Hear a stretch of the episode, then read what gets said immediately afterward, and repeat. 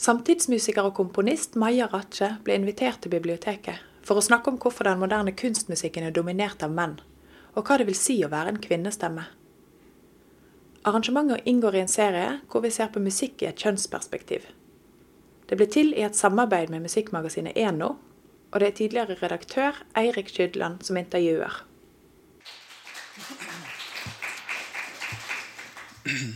Yes, Velkommen, Maja. Eh, vi må jo kjøre en kjapp intro. En introduksjon av Maja Ratje. Eh, I tilfelle noen ikke vet hvem, du er. Du er altså komponist og en av våre aller mest eh, toneangivende og sjangerutfordrende samtidsmusikere. Særlig kjent for utforskningen av stemmen som instrument i alle sine ytterpunkter. Jeg har skrevet en rekke verker og vært med på om lag 70 albumutgivelser. 110. 110? Det, det øker jo hver, hver måned. 110. Uh, blant annet soloplater og med spunk og female. Og uh, vunnet flere priser, som Arne Norheims kommunistpris, f.eks. Og uh, i tillegg så for de som, Vi som bor her i Bergen, husker kanskje at uh, hun var sentral under Festspillene for to år siden. Og I tillegg så har du da, har hun da du, hun, eh, da på tampen av 2013 kom denne boka, 'Eksperimentell kvinneglam', som var en del av Aschehougs bokserie i anledning stemmerettsjubileet 2013. Som da er, har undertittelen 'Erfaringer fra avantgarde-musikken'. Så det er denne boka vi først og fremst skal snakke om her og nå. Men eh, som Kristoffer nevnte, så er du også i Bergen pga. Eh, flere musikalske prosjekter. Aller først må du bare si hva slags planer du har de kommende timene i Bergen. sånn rent musikalsk. Ja, nå i kveld så er det et stykke som framføres av eh, orkesteret her, Harmonien. Og det er et stykke som heter Paragraf 112. Det er miljøparagrafen i den eh, nyomskrevne grunnloven vår. Paragrafen som eh, sier at alle har rett til eh, å, at naturen og miljøet og mangfoldet ivaretas, og at statens myndigheter skal legge til rette for at det skal skje. Det er en feiring av Grunnloven som eh, alle symfoniorkestrene i Norge er med på. En serie som heter Ja, vi elsker, hvor de utelukkende spiller norsk musikk. Og til den serien så har de da valgt å bestille et verk av meg som skal spilles av alle orkestrene. Som det eneste verket som da spilles av alle, så det blir et slags introduksjonsverk for hver av de konsertene. Så det er et ganske kort stykke som, som da åpner hver konsert. Så nå skal det spilles i Bergen. Nå har jeg hørt i Trondheim og Stavanger de to foregående ukene. Og i morgen skal jeg spille på Ekkofestivalen med Asbjørn Flø og Hild Sofie Tafjord og Alexander Ishaug. Det er tre gamle ringrever i min verden. Vi har spilt sammen i ulike prosjekter, særlig med Hild gjennom eh, en 20 års samarbeid i diverse prosjekter, bl.a. Spunk. Og det er Asbjørn Flø sitt bestillingsverk til Ekkofestivalen i samarbeid med BEK, Bergen senter for elektronisk kunst. Så da har han spurt om jeg og Hilde og Alexander vil være med som musikere på det. Så det er ikke mitt prosjekt, men jeg hyra inn som musiker og er med og spiller hans verk. Som er en kjempefin utfordring. Det er veldig sjelden at jeg er med og spiller andre sine verker. Sånn, for det har blitt mer og mer eh, sånn at jeg gjør mine egne ting og ikke har tid til så mye annet. Det blir, det blir jo ofte det når man får liksom vann på mølla og starter og utvikle egne prosjekter. Mm. Men eh, Asbjørn er som sagt en gammel venn, og vi har spilt improvisert musikk sammen da vi gikk Musikkhøgskolen allerede, i en trio som het XYZ, som, som varte i to år, ganske intenst. Så det var ikke veldig vanskelig å be meg om å bli med på det bestillingsverket til Ekko. Så to hektiske døgn da i Bergen. Men det er kanskje vanlig, vanlig stil for deg? Du bruker å være veldig travel på, den, eh, på den, akkurat på det her tidspunktet. Sånn. Nesten hvert år. Av en eller annen grunn så er det sånn avantgardens høysesong tydeligvis rundt sånn september-oktober. Så, så, det går sånn slag i slag. Og da er det jo veldig fint at det skjer i samme by, da, så det ikke blir så mye farting. Alright. Så da er det altså Grieghallen i kveld og Ekkofestivalen i Østre i Skostredet i morgen. Denne boka forteller du om dine erfaringer gjennom 20 år i uh, kunstmusikken og musikkbransjen. Um, kan du, uh, bare sånn at vi har fullstendig oversikt, kan du forklare uh, hvorfor samtidsmusikken ble din jobb og ditt liv? Ja. Jeg tenker kanskje først Vi må si at den, ja, den serien her, den, den, heter Stemmer. Den er, den er utgitt på Aschehoug. Aschehoug ga ut tolv bøker i 2013. Og da de spurte meg om jeg kunne bidra til den serien som en av de stemmene som skulle gi ut bok, så, så trodde, jeg det, trodde jeg ikke at jeg kom til å ha noe å si. Så jeg spurte om jeg kunne få være sist. Altså, jeg, jeg, fikk lov til å være sist. Det, var en, det, var, det skulle være en sånn overraskelse, den aller siste som var i desember, men jeg var novemberutgaven. Og, og så viste det seg da at jeg, jeg, skrev den lengste boka i hele serien. Jeg hadde ganske mye å si likevel. Så de, de spurte om jeg kunne lage akkurat den forbindelsen der, hvor, hvordan jeg kom inn i musikken, og hva det betyr. da. Og det, det ble en ganske personlig bok etter hvert. Eh, Susanne Christensen, som har vært her tidligere, har kalt det en, sånn, en dannelsesroman. Dan Det syns jeg var ganske treffende. Men det er, jo, det er jo ikke det formatet som ordentlige forfattere skriver, men likevel. Men eh, for min del så, så, var det møtet med den nye musikken som gjorde at jeg ville bli komponist.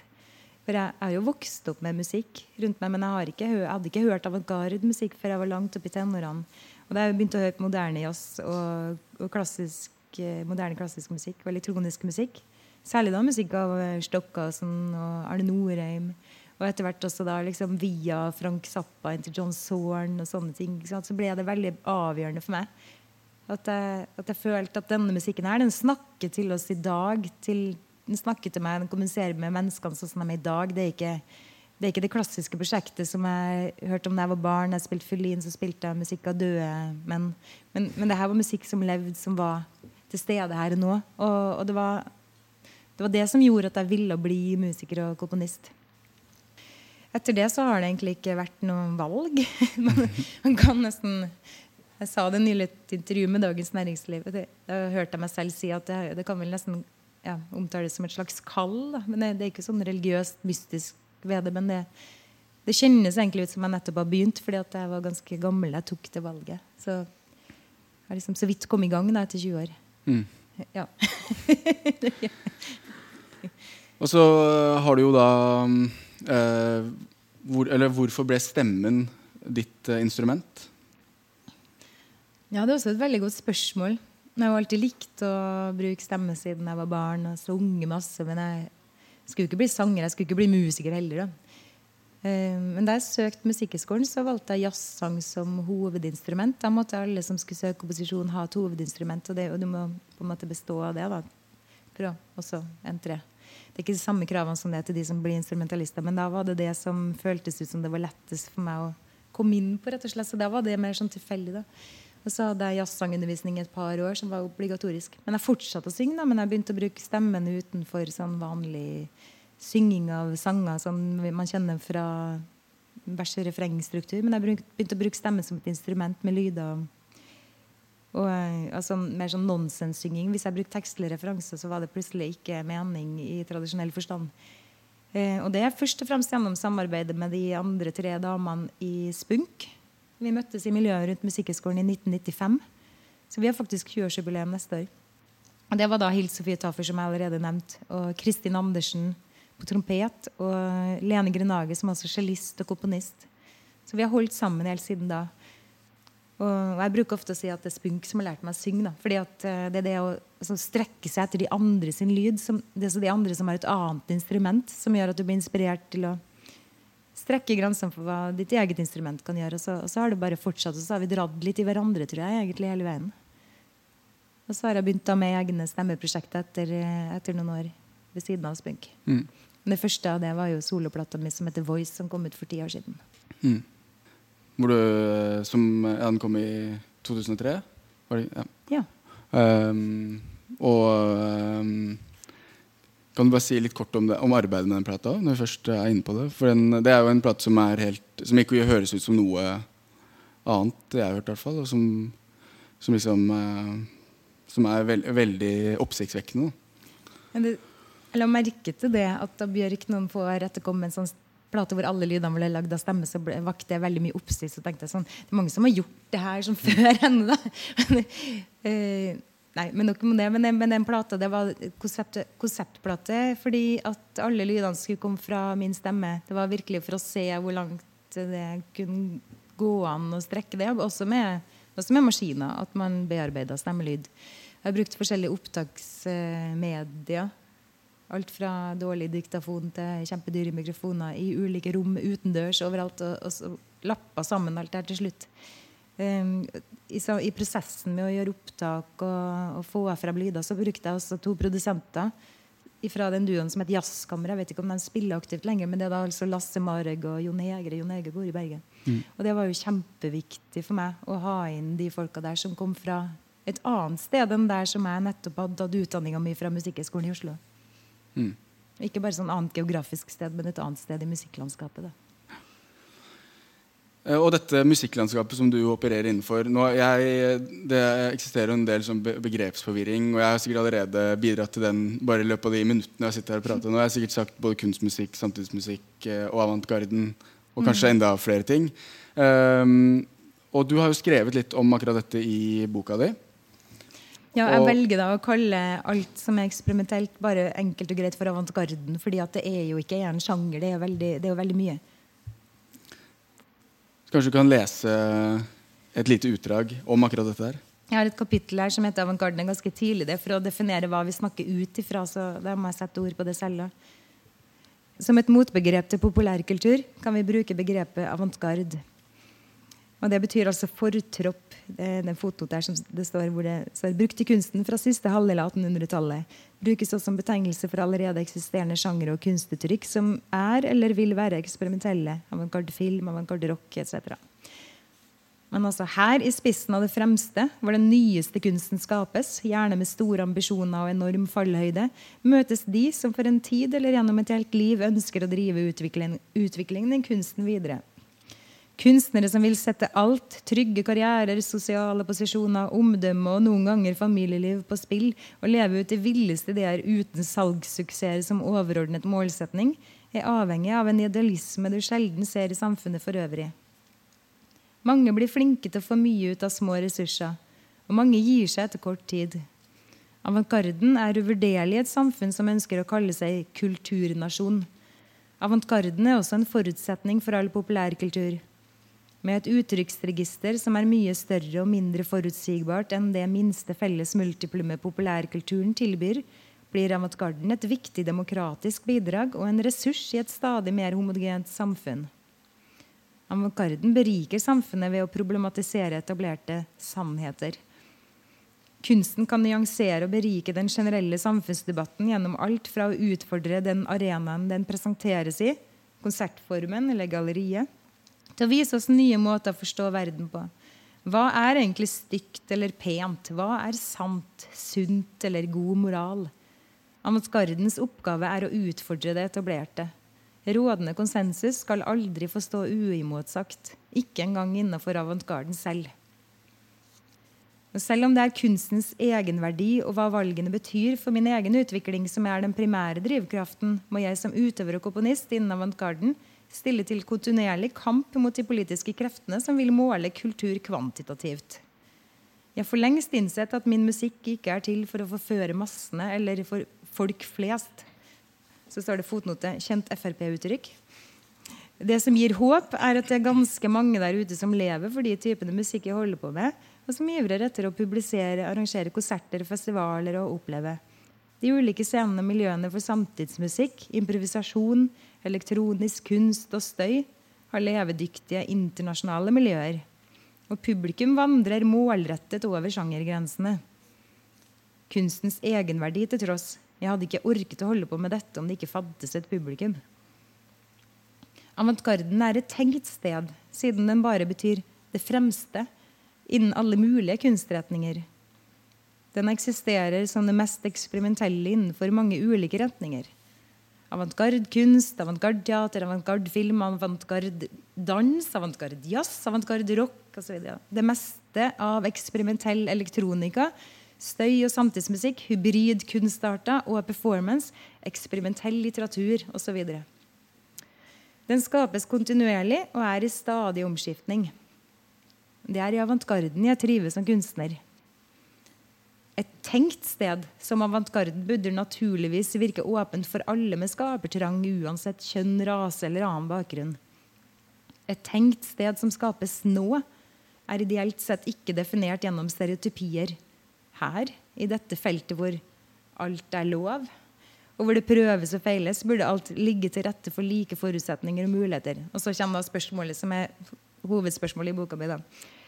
Eh, så hvorfor er avantgarden en mannsbastion? Er det fordi tanken om det nye allerede er kjønnet maskulint? Fordi det er dette som er samfunnets mal?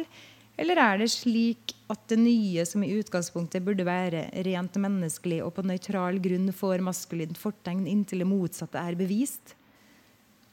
Hvilket kjønn har fantorangen? Det siste skal jeg komme tilbake til. Det er nødvendig for å forstå alt dette. Det kommer jeg da tilbake til 100 sider senere. ja. Du snakker jo om hybridsjanger her. Og det, boka di er jo øh, nærmest en representant for en slags hybridsjanger. For jo, du har jo litt esaistiske partier, noen mer øh, nesten dagboknotater. Og så har du jo gjort journalistisk arbeid i tillegg øh, med telling, som vi skal komme tilbake til litt senere. Du sa jo også at da du ble spurt om skriveboka, så visste du egentlig ikke om det hadde noe å si. Men så kom det liksom bare trillende ut da du satte deg ned. Uh, hvordan ble formen og stilen til i boka? Jeg tenkte å ha to uh, hovedskrifttyper, eller hovedstemmer, i boka. Det, eller to nivåer, kanskje. Skriftnivåer. Og det, det, er det prosanivået, som er den hovedstemmen som jeg leste fra nå. Så er det sånn anekdotisk nivå. Hvor jeg kommer med egne opplevde ting, og, og, hvor ting er litt mer sånn i det blå. Hvor det er nesten sånn dagboknotater og ting som jeg husker eller reflekterer rundt, eller ting som jeg har opplevd som jeg setter liksom, i presestekst, men som sånne anekdoter som står da i kursiv, som går gjennom hele boka, men som også egentlig forteller en parallell historie som, som sier det samme som jeg sier i hovedteksten. Da. Mm. Jeg hadde ikke lyst til å være veldig påståelig i boka, men jeg hadde lyst til å vise gjennom bare masse eksempler hvordan, eh, hvordan mitt blikk på, på, dette spørsmålet Kanskje, kanskje trekke noen konklusjoner gjennom det, men jeg prøver å åpne det. Jeg sier vel også noe om det at eh, Ja. Det har jeg faktisk lyst til å lese. Ja. Intensjonen er å gi inntrykk av utfordringene jeg møter som kvinne i mine miljøer. Det er mye som gjøres ubevisst både fra kvinner og menn. Noe reflekterer jeg over, noe overlater jeg til andre å forstå. Det er slik vi møter verden. De fleste sammenhenger ser du uansett ikke for det har gått litt tid. En sammenstilling av elementer er et skritt mot å se sammenhenger. Denne boka er et slikt skritt. For du skriver, også, du skriver at allerede da du begynte å studere musikk, så, støtt, så skjønte du at det var, altså du støtte på utfordringer som du støtte på kun fordi du var kvinne. Uh, har du noen eksempler? Kan du fortelle noen av de historiene helt fra begynnelsen der? Da, I din inntreden i avantgarden? Jeg var, jeg var, nok egentlig kanskje litt naiv da jeg begynte å studere med tanke på det her. fordi jeg hadde ikke forestilt meg at det ikke var noen andre jenter. Og jeg heller ikke forestilt meg at uh, jeg kom til å være annerledes på flere måter. Da. Ikke bare for at jeg var jente, men fordi at jeg hadde jazzbakgrunn. Jeg hadde ikke den den lange, klassiske skoleringa som de andre hadde. Eller også, var også sanger. Også. Det var liksom flere ting som var feil. På en måte, men jeg, jeg lurer på om jeg kanskje bare leser litt fra det. Siden vi er i Bergen, så føles det litt på tryggere grunn. jeg har jo anonymisert uh, ting her, da. Men uh, ja. Presentasjonsrunde i nytt komposisjonfag. Jeg er eneste jente. Én etter én presenterer seg kort. Læreren kommer med interesserte oppfølgingsspørsmål til studentenes bakgrunn. Småprating rundt felles referanser. Det her er på det anekdotiske nivået. Bare for å ja, ha det sagt. Det er min tur. Det er godt mulig at jeg har tatt av meg mine rollerblades og satt dem i et hjørne. Ja, Er man annerledes, så kan man like gjerne være det helt. Min bakgrunn? Gymnaset. Realfag. Et år på folkehøyskole. X-fill. Hovedinstrument. Sang. Jazzvokal. Ingen oppfølgingsspørsmål. Neste. Hvordan jeg via en annen kvinnelig komponist får vite at samme lærer syns jeg virker kald, lukket. Hva forventes egentlig av en jente? Og hvorfor skal min temperatur diskuteres? Mannlig medstudent hoverer og høster ovasjoner når Erling Gulbrandsen, medsammensvoren Boles-elsker og kjent og flink musikkritiker, kritiserer kjent kvinnelig komponist i P2. Han tok henne noe så jævlig, gnir seg i henne. Jeg er skrekkslagen. Noen kvinnelige komponister er innom Musikkhøgskolen i løpet av studietida. Sofia Gobaidolina, Cecilie Ore, Synne Skauen, Natasha Barrett. Jeg er som en svamp. Jeg titter bort på guttene. Håper at de også er lutter øre. Tenker at Cecilie Ore i alle fall vil høste samme nesegruse beundring som de viser overfor sine mannlige forbilder. Fisker etter godord om ordet hos yngre medstudenter, med litt hell. Gobaidolina er for spirituell for dem, for meg òg, men hennes internasjonale status og kompositoriske kompetanse er udiskutabel. Så skal de kvinnelige studentene få enetimer med henne. Og det var da meg og Kristin Andersen. Hun gikk noen år over meg. Ja. Dette er den eneste gangen i løpet av studietida jentene og guttene blir bevisst forskjellsbehandlet. Vet ikke hva som er den uttalte tanken bak. Komponistguttene snakker ikke om Gobaidolina. Hun er usynlig for dem. Hun lyser opp når jeg spiller et opptak av Spunk. Hun forteller meg at improvisasjon, å spille selv, alltid har vært viktig for henne hun gestikulerer og vil at jeg skal spille til opptaket. Jeg tør ikke, eller jeg klarer ikke. Det føles i alle fall helt feil. Kommer for brått på dette at det plutselig er helt greit å improvisere. For det var det jo heller ikke da. Jeg studerte komposisjon. Ja. Nytt avsnitt. Journalist. Uh, kolon. Hvordan føles det å være kvinnelig komponist? Vet ikke. Har ikke prøvd noe annet det jeg burde ha sagt. Kolon.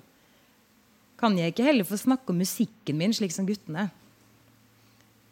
Guttene som viser partiturer til hverandre, låner hverandres og de mannlige idolenes partiturer med hjem, hyller hverandre med store ord og fakter, og med alltid mannlige referanser. Hører aldri noen medstudenter snakke pent om kvinnelige komponister. Får noen nikk iblant, noen positive kommentarer, men ikke den interesserte motstanden jeg savner. Men jeg tegner og forklarer ivrig uansett. Ingen kan si at jeg ikke er med. Senere i studietida arrangeres mannekvelder. Det er sant, han kalte det mannekvelder. Mest sosialt fikk jeg senere greie på, men likevel med faglige temaer og dirigering og maler. Jeg husker da dere i din generasjon kom på banen, startet tidsskriftet på Rergon, og hva var det dere kalte det? Generasjon kompleks? Et herlig, tydelig inntog i ny musikksammenheng sier tidligere daglig leder i Ny Musikk under organisasjonens jubileumstreff i 2013. Jeg sier ikke at jeg ikke var med på verken tidsskrift eller Generasjon Kompleks. Samtlige komposisjonslærere innkaller meg plutselig og uten forvarsel til personalmøte og spør om jeg har opplevd forskjellsbehandling fra dem fordi jeg er jente. De sitter nærmest i panel mens jeg står som i et avhør midt på gulvet. Husker ikke helt hva jeg sier. Noe kjekt og greit å avfeine. God Godstemning her. Mannlig masterclassleder, kjent svensk komponist og pedagog tar meg til siden under sosialt samvær og spør Mener du virkelig å skrive så aggressiv musikk? Du som er kvinne? Ja, jeg mener det faktisk, svarer jeg og ergrer meg lenger etterpå hvorfor jeg ikke spurte tilbake om det da også er noen menn som muligens ikke mener å skrive så suppete musikk som de gjør. Resten av seminaret er i dårlig humør. Klarer ikke, nei, klager ikke til noen heller, siden jeg er jeg som arrangerer hele greia. Ja. Dette er jo historier som du under arbeidet med boka jo har uh, liksom reflektert over. Da, i, og du har jo flere og fra senere i karrieren din. Men det det. Da, du var, um, da du var midt oppi dette, hva, hvordan, uh, hvordan opplevde du disse hendelsene da? Det er jo først i arbeidet med boka at jeg har tenkt tilbake og, og skjønt at, uh, at, det ikke var helt greit. Mm. Nei, jeg har bare vært veldig opptatt av å komme meg videre og gjøre en god jobb. Og skrive god musikk og få en karriere og klare meg som kunstner. Og det har vært stort nok prosjekt. Mm. I den uh, siste tiden, De siste månedene så har det vært debattert uh, en god del om skjevfordeling uh, i musikkbransjen. Bl.a. Uh, på konsertplakater, radiospilling og også liksom i den tekniske biten, eller den tekniske eh, avdelingen da, i musikkbransjen. Eh, og det snakkes veldig ofte om eh, viktigheten av gode kvinnelige forbilder. Opplevde du eller, sånn, hvilke, hvilke, kvinnelige forbilder hadde du da, i denne studieperioden? Mm.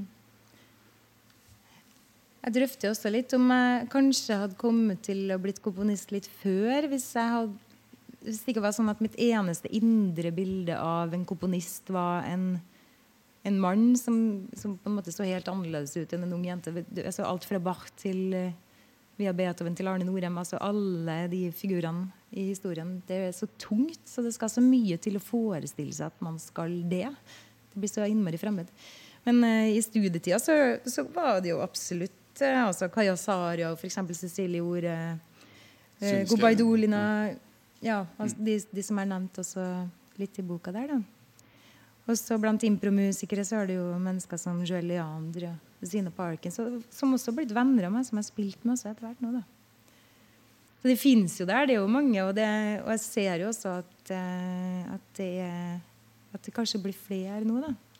Og det er også så hyggelig. Jeg, jeg, tenker liksom hele tiden også i et internasjonalt perspektiv. fordi For meg så er ikke musikken den er ikke stengt av norgesgrensa. Det er også det er helt avhengig også av et internasjonalt perspektiv å holde på i avantgarden. Men det, er jo, men det er ingen grunn til at Norge skal være bakpå. Vi skal jo liksom være så veldig likestilt på alle andre områder. Så, så jeg føler kanskje det, det, er det som gjør meg litt utålmodig. Også, det er At Norge kommer ikke så godt ut av det i forhold til andre land som ikke er like likestilte på, på andre områder. igjen da. Mm. Og da Særlig innenfor de, de store, tunge institusjonene. I, i, på en måte den, den uh, do it yourself uh, garden så er det flere damer. Men med en gang det kommer makt og penger, så blir det færre og færre. da. Det ser du særlig eksempel på innenfor uh, orkesterverdenen. Og da, da, tok jeg også en opptelling på det. Den kan jeg nevne litt mer senere også. Men jeg ser også på i musikkskolen da, i dag så er jo halvparten av de klassiske utøverne er jo kvinner, men, men det er vel bare det underkant av 20% professorer, f.eks. Det, det henger jo ikke sammen. Så det, der hvor det er makt, og der hvor det er på en måte gamle hierarkiske strukturer, der, der er det bare menn igjen.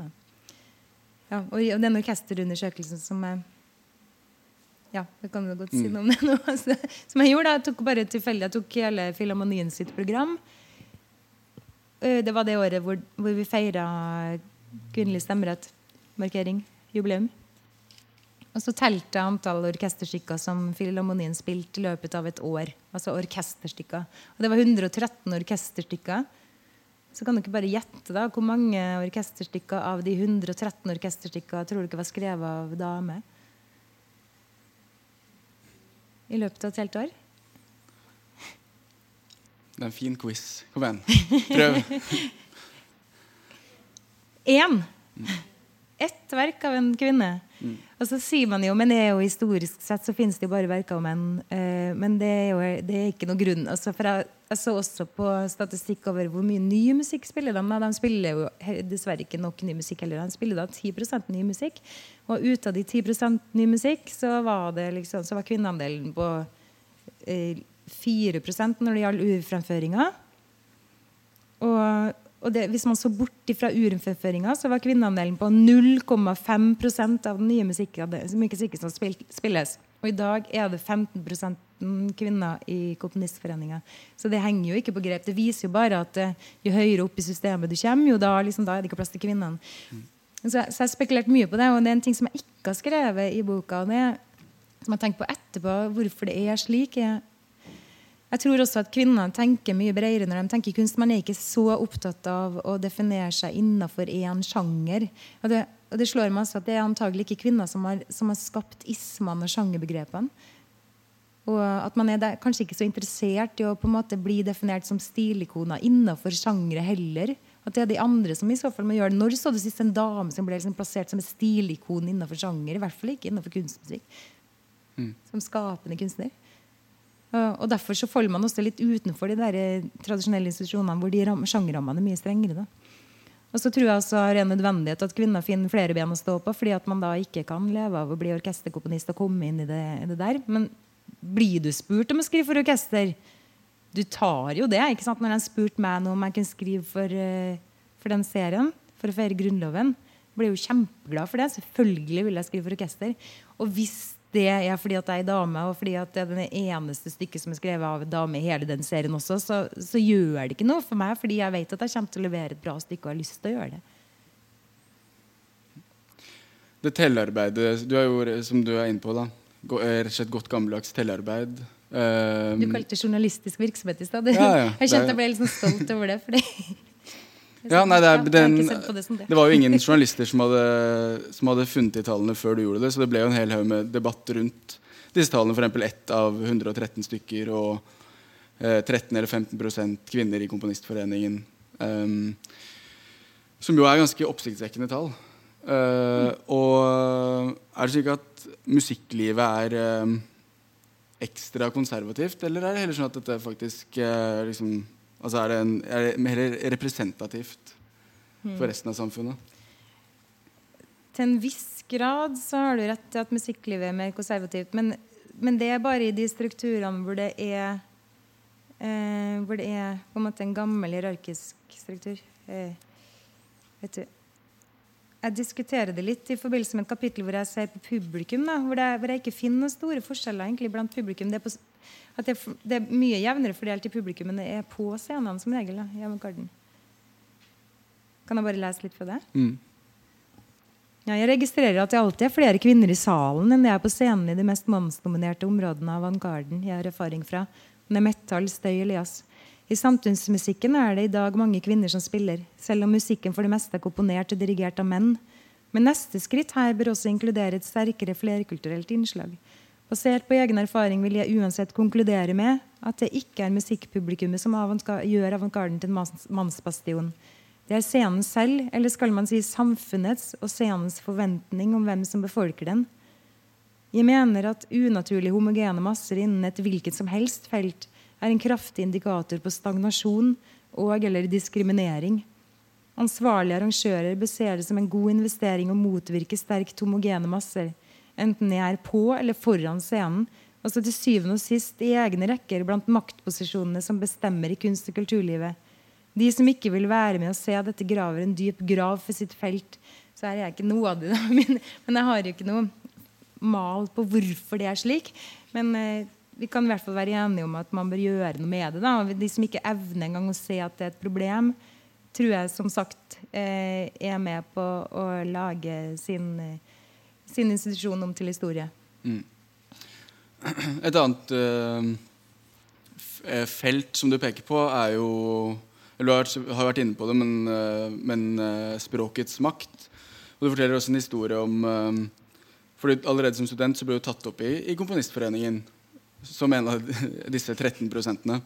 Og på julebordet der så ble du da introdusert som foreningens Barbie. Eh, som du jo skriver om i boka, at på en måte du kunne selv du så, kunne se at det var noe humor i det, men likevel så er det jo ekstremt ubehagelig egentlig, høre- og diskriminerende språkbruk. da. Uh, og, og senere så har du jo i musikkjournalistikken opplevd noe av det samme. Uh, med at musikken din liksom, tilknyttes ord som heks, hysteri, Linda Blair fra Eksorsisten Det er jo mangel på, det er det mangel på fantasi at man alltid try, tyr til altså Når en kvinne går utenfor boksen, så tyr man til sånne ord som beskriver galskap og hysteri. Og, og, altså det blir jo emosjonelt med en gang. da Mens eh, man, menn kan være eksperimentelle og interessante og avantgarde så mye de vil. Men altså kvinner blir med en gang liksom trukket inn i et veldig sånn primitivt, emosjonelt forklaringsunivers. og det er jeg ganske lei av. da så det, som, eh, som utøver så er det også avhengig av å få gode omtaler som du kan bruke for å selge varen din og få inntekter på det du gjør. Og da, da er det veldig vanskelig hvis man får sånne Jeg kan jo lese et eksempel som jeg har med i boka. Altså, det er jo positivt ment, ikke sant? men det er jo helt ubrukelig som håndverk, journalisthåndverk. Eh, vet du, Jeg har egentlig lyst til å lese et kapittel her som heter 'Støyikonet'. Kan jeg gjøre det? Ja, så det? Ja. For det, det tørster også litt inne på det der med å, med å være sånn sen- det med å være, Hvem er det som skal være sentral aktør innenfor et felt, og hva er det det gjør? på en måte, hvor, Hvorfor blir det så vanskelig for kvinner å gå inn i liksom, de feltene som allerede er folk av sentrale aktører, som er menn? Da? Det begynner med et utsagn fra en engelsk nettside. They look as innocent as newborn lambs, the sick fucks. Hild Sofie Tafer og jeg fra Spunk dannet støyduoen Female og plasserte oss, i motsetning til sjangerløse Spunk, innenfor en spesifikk sjanger støymusikk. I dette feltet er det muligens enda færre kvinner enn blant samtidskomponister og friimprovisasjonsmusikere. Female, altså det skrives sånn som e-mail, var i sin storhetstid på høyde med de største innenfor vår sjanger. Thurston Moore fra gruppa Sonic Youth likte debutplata vår, den rosa vinylen Syklubb fra helvete, som vi ikke fikk gitt ut på verken Rune Grammofon, Smalltown Supersand eller andre eller relevante plateselskap, og som til slutt ble utgitt av et par Blindern-studenter for deres egen regning i et opplag på 500 eksemplarer i 2003. Out of Norway comes the most exciting noise LP I've heard to date. These two women romp through stimulating noise compositions, fresh and clean with a distinct Scandinavian frost, but there is always an undercurrent of warm embrace, sweet and masterful. Sa da Thurston Moore. Omslaget kunne se som plata var ment for salg på bensinstasjoner. Fordi vi, med muligens ett eller to unntak, alltid var de eneste kvinnelige støymusikerne der vi opptrådte. Og på de plateselskapene som ga ut musikken vår i løpet av de fem årene vi var aktive, kunne vi også spille på den visuelle kontrasten vi tilførte sjangeren fordi vi var kvinner. Den gratis synligheten det medførte, valgte vi å utnytte, selv om vi aldri uttalte det slik. Det føltes ut som vi kunne gjøre hva vi ville. Det fantes ikke et stereotypt bilde av en kvinnelig støymusiker å leve opp til, og vi syntes det var spennende å utfordre og framheve kontrastene snarere enn å utviske dem. Vi spilte gjerne i damedress, billigversjoner slike som min søster kan finne på å bruke jobb i næringslivet, ved en platelansering i Oslo spilte vi bunad med kontaktmikrofoner i hjemmelagde søljer. Vi forholdt oss på samme måte til de uventede kontrastene i musikken. Her kunne latterlige leketøysinstrumenter opptre i en ellers tung og mørk setting. Hilds hovedinstrument, valtoren, er også et kjærkomment fremmed bidrag i denne sjangeren. Stemmen som instrument i støyen er derimot nærmest konvensjonell. Støymusikken er brutal og vakker, og med kvinner bak spakene blir den i hvert fall ikke endimensjonal. Debutplata vår ble relansert på et amerikansk selskap med god distribusjon. Det tok av. En av de hippeste gruppene på denne tiden var amerikanske Wolfies. Vi delte scene med dem flere ganger, bl.a. på ICA i London i 2005, der vi virkelig følte at vi gjorde en av våre beste konserter noensinne. Det føltes ut som vi hadde full kontroll og fikk spille så høyt vi ville. For noen steder har de restriksjoner på volum. Lokalet var fullstappet. Mest svartkledde menn denne gangen. En anmelder, Ed Pincent, fra et seriøst magasin, var der også. Eh, vi hadde lenge ventet på en god liveanmeldelse. Det er helt nødvendig for å kunne promotere seg i det frie feltet hvor du skaper din egen arbeidsplass. Han syntes vi var bra. Så klart etter den konserten og skrev sonically they can match Merzbov for fierceness and devastating relentless, relentless assaults. But they also have more noticeable dynamics. Ja, den kunne vi bruke. Men hva hjelper det når han også bruker store deler av anmeldelsen på å sammenligne himmel og helvete? Wolfies delivered an effective vision of hell. They have stagecraft, they use lighting, smoke, and most of all, big, ugly sound. Sound used as a weapon. Wolfeis confound expectations with their subsequent dark, ambient, drifting sounds. They are genuinely terrifying. They rock. Female delivered an effective vision of heaven. An erotic paradise, that is. They were, before uh, the Wolfmen, they presented a stage show of two lovely young Norwegians, indeed resembling goddesses, wearing pinstripe suits and ties, very active and interactive. Noise is always sexy, this particularly so. Hard to deny element of voyeurism, lesbian lovemaking going on here. Hard for perverts like me to deny it anyway. Wolfeis Olsen spoke in extravagant terms of the magic and mystery of women as he introduced them. This may not be so far from the truth. Kunne vi noen gang få konkurrere på lik linje med våre mannlige kolleger om å lage den mørkeste, tøffeste, mest bråkete og elegante støymusikken? Publikum er alltid spontan i sin reaksjon. Men når de leser anmeldelser, får de opplevelsen korrigert. Det gjelder all slags musikk. Og hvordan vil de oppleve neste konsert med kritikerens korreksjon i bakhodet? Og Så kommer det et sitat fra noen som vi har hørt etter en konsert med Female in New York. If I close my eyes, I could swear it was guys playing. It was so fucking good.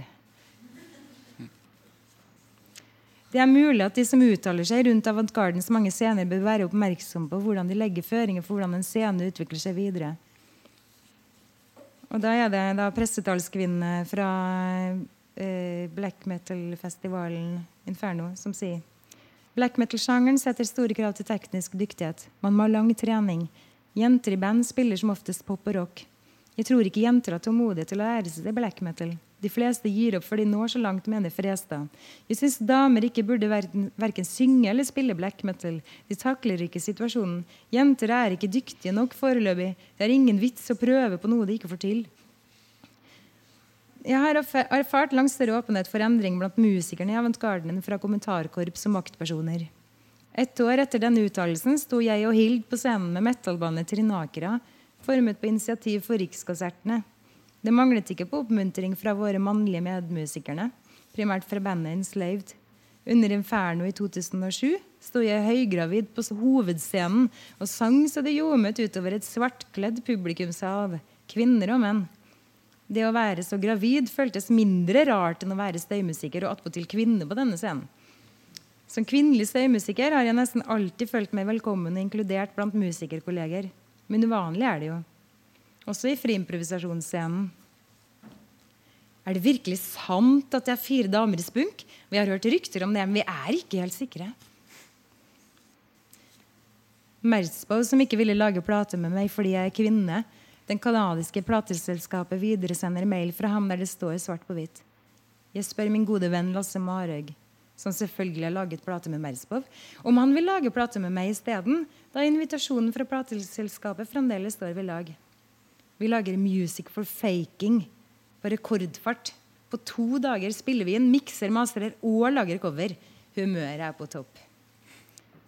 Men hva er det med denne mystiske kvinneligheten som mennene i maktposisjoner, altså kritikere og bransjefolk, ikke forstår? De fleste respekterer oss. Noen utgir musikken vår og roser den.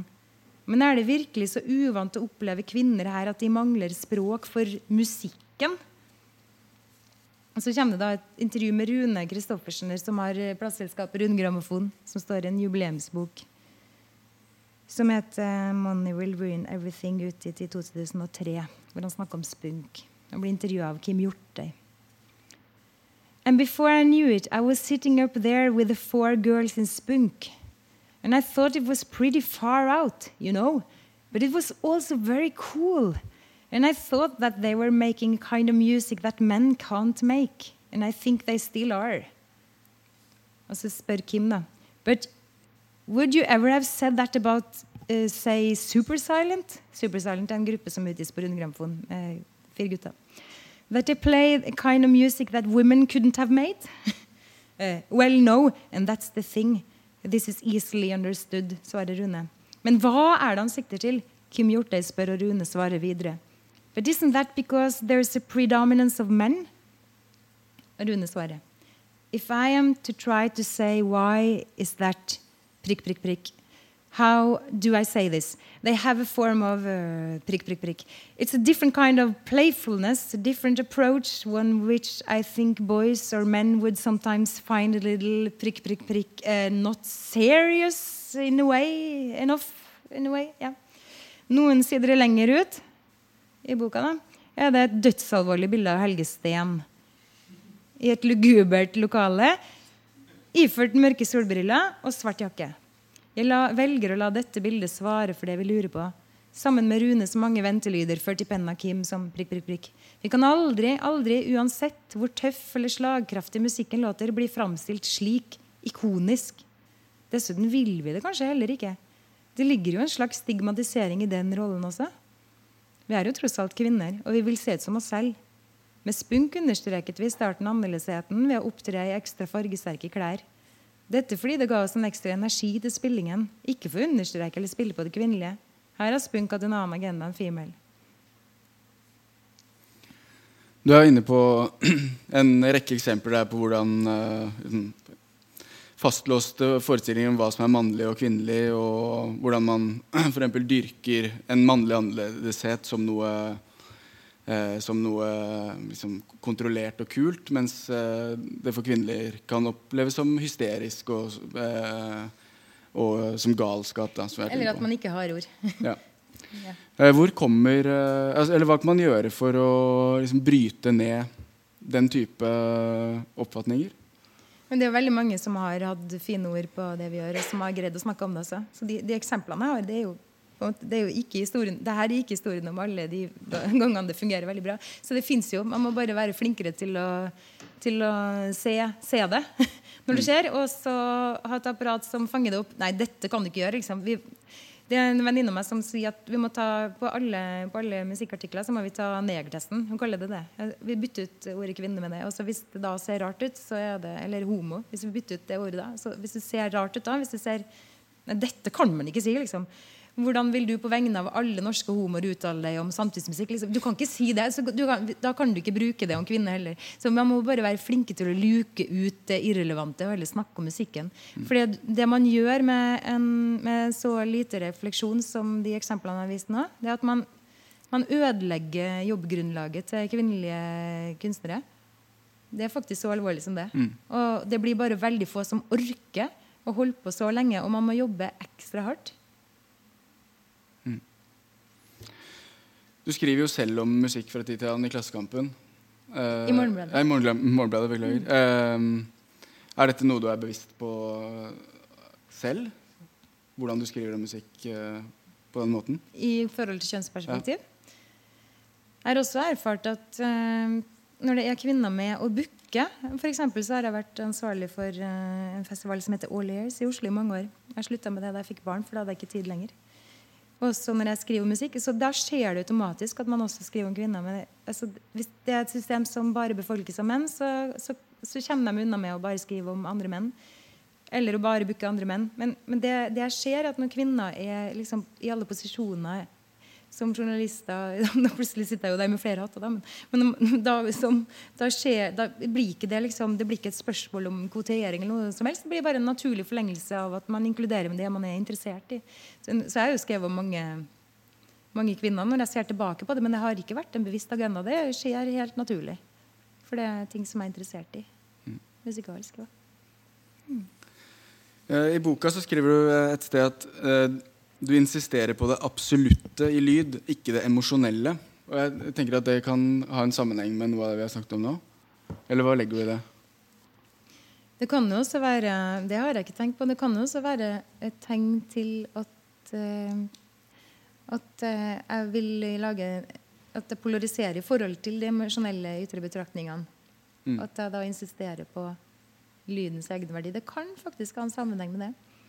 Um, men når jeg begynte å jobbe aktivt med stemmen så mye som jeg gjorde, så oppdaga jeg også et behov for å distansere meg fra det emosjonelle aspektet. Det vil si sånn, ikke sånn som skuespillere jobber, hvor man går inn i emosjoner og fremkaller emosjoner for å være ekte i leveringa av det. Men at, men at, jeg bruker lyden som metafor isteden. fordi jeg vil ikke gå emosjonelt inn i de lydene jeg lager, for da er jeg ikke i stand til å se de utenfra. Og da kan jeg heller ikke komponere interessante lydbilder med det. Og da får jeg heller ikke fram den ambivalensen som jeg ønsker å få til i musikken. For du ikke bare sier én ting. Liksom. Du kan ikke bare si én emosjon med én lyd. Men så vil det være mye flere lag i det. Jeg har ikke lyst til å låse betydninga det jeg gjør, til, en, til et, et, riktig svar. Da. Det er ikke noe riktig svar, musikken. Det skal ikke oppfattes sånn. liksom. Mm. Vi har jo vært inne på at det ble både når det gjaldt den, den språklige kritikken din, men også det, tallkritikken, eh, eller representasjonen da, i i uh, Komponistforeningen og um, andre nivåer i uh, avantgarden, så ble det en ganske stor debatt rundt boka ja. da den kom. I, jeg tror aldri jeg har fått så mye oppmerksomhet for en plate. Litteraturen er i media. ja. Særlig når det er litt debattstoff. Men uh, nå er det jo et knapt år siden boka kom ut. Og det har, vært, uh, en, det har pågått en del, uh, en del, debatter, som sagt. Uh, ser du at det, har, at det har, faktisk har endra seg noe? Jeg vet at det har endra seg flere ting. Blant annet så har Komponistforeninga meldt seg inn i Balansekunstprosjektet. Nå blir vel ikke det videreført av den nye regjeringa uansett, men, men, i hvert fall en holdningsendring har jeg lagt merke til både her og der. Og så har jo, eh, så har jo direktøren for Filharmonien blitt konfrontert med det her i to omganger i forbindelse med lanseringa av boka mi. Også nå i sommer så var det en journalist i NRK som valgte å lage en oppfølgingssak. Det var Bodil Maroni Jensen. Det var i forbindelse med den serien som er et stykke i nå. For hun syntes at det ikke var bra nok at jeg var den eneste kvinnelige komponisten i den serien. Hvor også da gikk løs på symfoniorkestrene. Så de har blitt møtt med den kritikken. Og det er bare at de må begynne å svare for, for seg, betyr at de ikke kan la det passere at det er ingen som legger merke til det lenger. Og det, det syns jeg er veldig viktig. Og det tror jeg kanskje også på sikt ruller i gang litt mer aktivitet. Mm. I tillegg til til debattene som har blitt reist rundt denne boka, så har du jo uh, vært ute og kritisert vår uh, nåværende kulturminister. Og du har jo også initiativtaker bak um, Stopp oljesponsingen av norsk kulturliv. Mm. Um, så du har jo de siste, de siste, par årene så har det vært en veldig tydelig stemme egentlig i kulturdebatten. vil du si at Uh, ser du på det å være komponist som uh, et politisk prosjekt? Nei. Det, det, å være kunstner er ikke et politisk prosjekt. Jeg har alltid vært interessert i politikk og, og, ting som jeg mener er viktig å sette fokus på. Jeg er opptatt av rettferdighet og jeg brenner for miljøsaken. Det har jeg alltid gjort. Jeg har jo alltid ment de samme tingene. Men jeg legger jo merke til at folk begynner å høre på meg etter hvert. Kanskje jeg får, når jeg får litt mer medieplass. Og så, hvis jeg da sier det, så er det flere som hører det når jeg bare sier det til naboen. Men det med oljesponsing har jeg vært uh, veldig i gang med. Det har vært uh, det vedvarende prosjektet, politiske prosjektet utenom kunsten egentlig, hele mm. tiden de siste årene. Jeg skrev stemmerboka, så, så, så, tenkte jeg også på det at, at, ting henger jo sammen hvis man er opptatt av Hvis man prøver å se liksom ut ifra sin egen navle, da. prøver å heve blikket litt, så blir man opptatt av, uh, opptatt av liksom miljø, miljøvern og kunstakt. Plutselig så er det ikke så, det er ikke så ulikt, det heller. Det, det, er vel en mer sånn fornemmelse for at solidaritet er viktig, tror jeg. Og bevisstgjøring. Ja, så det, ja, så det blir ikke egentlig enkeltsakene så mye. Altså, hvis jeg er imot oljesponsing, så er det jo ikke fordi liksom, det er ikke bare det, det er jo et større miljøperspektiv som er viktig. Bare at akkurat den innfallsvinkelen mangla. Mm. Og da gikk det an å bruke den for å få mer oppmerksomhet rundt miljøsaker. Mm. Du fortalte jo at altså det stykket som skal fremføres av Bergenfilharmonien i i kveld. Det heter jo da paragraf 112. Mm. Og um, du fortalte at på, Var det i går? Eller? Nei, på en av de tidlige fremvisningene av stykket så var det rett og slett uh, en liten sånn aktivistbod, nærmest, mm. som delte ut da den paragrafteksten. Ja. De har jo fått med seg at det skulle skje, og det mm. syns jeg er jo veldig bra. At det inspirerer til folk til å henge seg på. mm. Så det er et, faktisk et, eksempel da, på at uh, at musikk helt konkret kan inspirere til eh, aktivisme. Ja, men det gjør det, altså. Mm. Det gjør det. det jeg har ofte leita etter måter å inkludere politikken i kunsten, men jeg syns det er fryktelig vanskelig, fordi musikken er for meg det er, så frykt, det er så veldig komplekst i forhold til ord. Men hvis jeg, hvis jeg kunne vært med på sånne ting, så, så, blir det liksom, da blir det kanskje at man blir invitert til å lage noe for en anledning. Men musikken i seg sjøl den er jo mye rikere på et helt annet sted. Mm. Jeg har også laga musikk til en protestaksjon i Vevring. Det er en liten kommune, kommune i Vestlandet som trues av gruvedrift. Da var jeg med på å lage musikk til et horn. Det ble også transportert til Festspillene noen år etterpå. Så det har også vært her. Med visstnok verdens største mobile hornhøyttalersystem. Og det et desibel ble satt ut der. Og da var en Kurt Oddekalv ute og trua med å anmelde oss til politiet for det var så høyt. det var støyforurensning. det var liksom paradokset å bli anmeldt av en miljøverner. For det, det skulle være en protest mot gruvedrift i Vevring. Men det, sånt får du jo veldig mye oppslag når du lager noe sånn spektakulært. Så, så er det veldig lett å få medieoppslag. Så vi kom jo på Dagsrevyen og snakka mot gruvedrift i Vevring. Og mm. det fungerte jo ganske fint.